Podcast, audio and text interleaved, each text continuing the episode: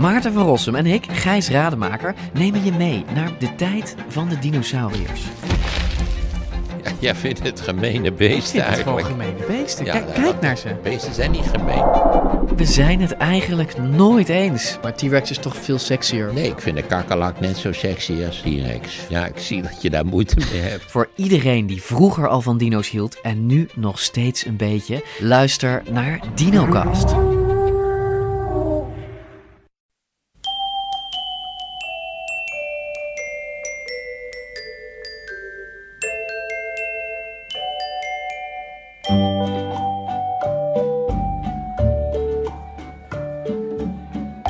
Welkom bij aflevering 233 van Echt Gebeurd.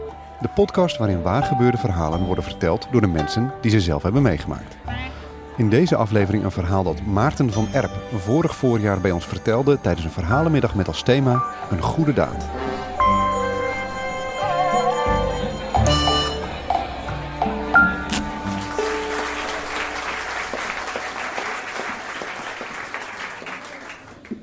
Ik wil jullie graag eh, meenemen naar de winter van 2010. Het was heel koud. eh, er lag hier een dik pak sneeuw over Amsterdam heen en de grachten waren bevroren. Ik werkte toen nog hier in de buurt eh, in Slotervaart aan de Plesmanlaan. En ik had op een dag wat langer doorgewerkt, tot een uurtje of half acht. En vervolgens besloot ik naar huis te gaan. En ik liep over de brug van de Slotervaart heen en ik zie in één keer vanuit mijn linker ooghoek zie ik een kleine rode auto vol de gracht opschieten. Echt, echt in een rotvaart. Die glijdt over de gracht en in het midden van de gracht ja, slaat hij een wak met de neus van zijn auto. En daar steekt hij zo half in het water.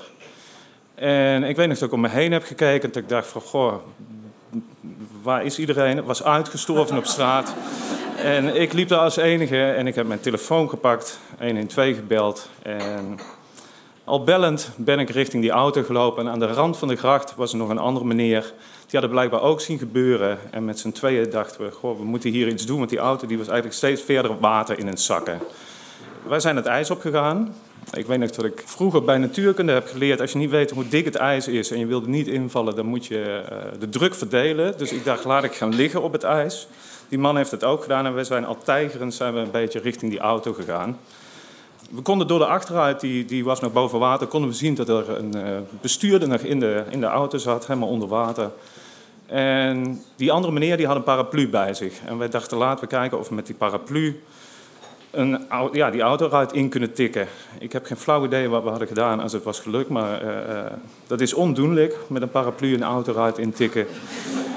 en die auto die was wel steeds verder aan het zakken in het water. En die meneer die lag er inmiddels al een tijdje eh, in. Die kon er zelf niet uit, dat was duidelijk. En wij dachten, we moeten iets doen. En wij hebben met onze armen zijn we in het water gegaan en hebben boven de uitsparing voor het linker achterwiel, hebben we met z'n tweeën die auto vast proberen te houden. Zo goed en zo kwaad als het ging. Totdat eh, de hulptroepen zouden arriveren. En daar hebben we een tijdje zo gelegen.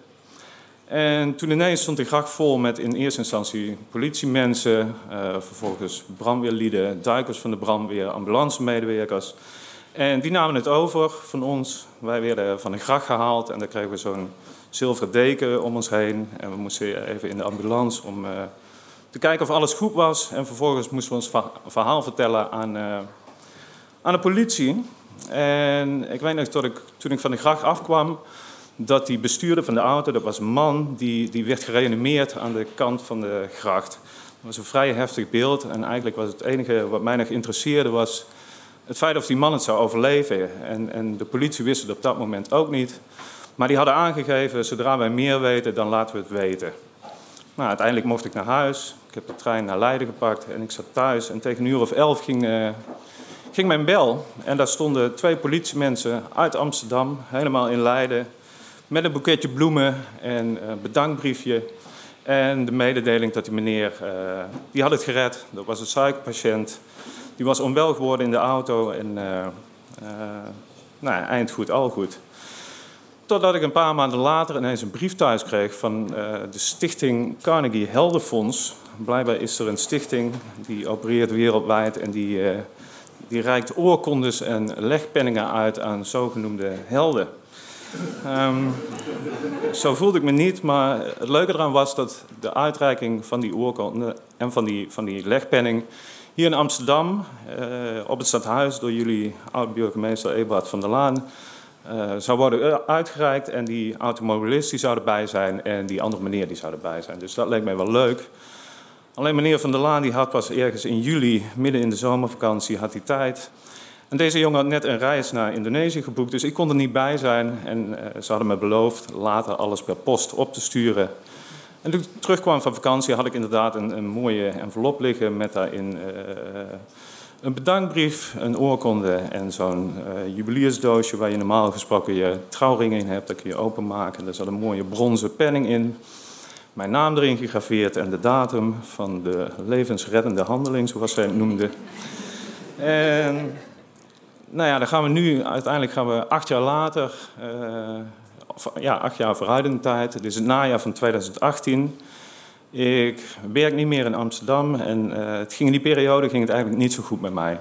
Eigenlijk helemaal niet goed. Ik uh, worstelde met mezelf. Ik vond mezelf niet leuk. Ik worstelde met het leven. Dat vond ik ook niet leuk. En dat was op een gegeven moment zo heftig dat ik mezelf s'nachts op de crisisdienst van de GGZ terugvond. En de ochtend daarna bij de polysuicidepreventie. En ik zat in een depressie, in een, in een goede depressie. En zo'n eerste paar weken van een depressie, in ieder geval in mijn geval, die, die uitte zich door echt een soort van lethargisch alleen maar in bed te liggen. Helemaal niks te ondernemen. En uh, ja, eigenlijk is het wachten tot medicatie aanslaat, tot de gesprekken gaan werken, hopelijk. En ik weet dat ik na een paar weken wakker werd. En ik voelde voor het eerst in een hele lange tijd voelde ik weer energie in mijn lijf. En de zon die scheen door mijn slaapkamerramen naar binnen. En dat was een super lekker gevoel. Dat had ik echt al heel lang niet meer gehad. En ik dacht, ik moet iets met die energie. Ik zat alleen thuis, ik zat in de ziektewet en, en, en had niet zo heel veel om handen. Dus ik dacht, ik ga mijn huis schoonmaken. En dat heb ik echt, echt als een malle drie uur lang zitten poetsen. En, en vervolgens ben ik de woonkamer gaan herinrichten. Uh, en toen dacht ik daarna, laat ik mijn berging eens eventjes gaan puinen. Daar stonden nog een hoop verhuisdozen en allerlei meuk. En in een van die verhuisdozen kwam ik een brief tegen, een envelop eigenlijk. En daar zat uh, het bedankbriefje van de politie zat erin. Daar zat de brief van Eberhard van der Laan in. Uh, daar zat die oorkonde in. En dat deed mij op dat moment eigenlijk heel veel goed. Dat, dat was heel fijn. Eigenlijk om een soort van bevestiging te krijgen van... Goh, je bent eigenlijk best oké okay of zo. Dat was, dat was heel fijn in die periode, na een paar weken. Ik weet nog dat ik daar uh, een foto van heb gemaakt. En die heb ik ook naar mijn zusje en naar mijn moeder geappt. Zo van, goh, kijk, uh, klinkt misschien wat narcistisch, zo is het niet bedoeld. zij, zij zijn er voor mij geweest eigenlijk toen het, uh, toen het echt gitzwart was. En uiteindelijk denk ik dat het redden van die meneer zijn leven in 2010... een kleine acht jaar later ook een heel klein beetje mijn leventje heeft gered.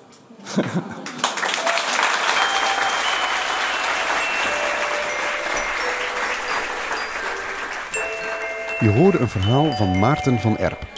Hij vertelde het in Toemler, de Amsterdamse comedyclub waar elke derde zondag van de maand een echt gebeurtmiddag plaatsvindt. De redactie bestaat uit Micha Wertheim, Paulien Cornelissen, Rosa van Toledo en mijzelf, Maarten Westerveen. En komende zondag hebben we een afwijkende editie.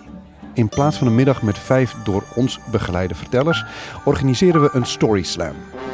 Bij een Story Slam mag iedereen die dat wil een papiertje met zijn naam in een hoed doen. En als zijn naam dan wordt getrokken, mag hij, of zij natuurlijk, meteen in ongeveer vijf minuten een verhaal vertellen op het podium. De middag wordt gepresenteerd door Micha Wertheim. En wil je nou zelf dat Story Slam meemaken?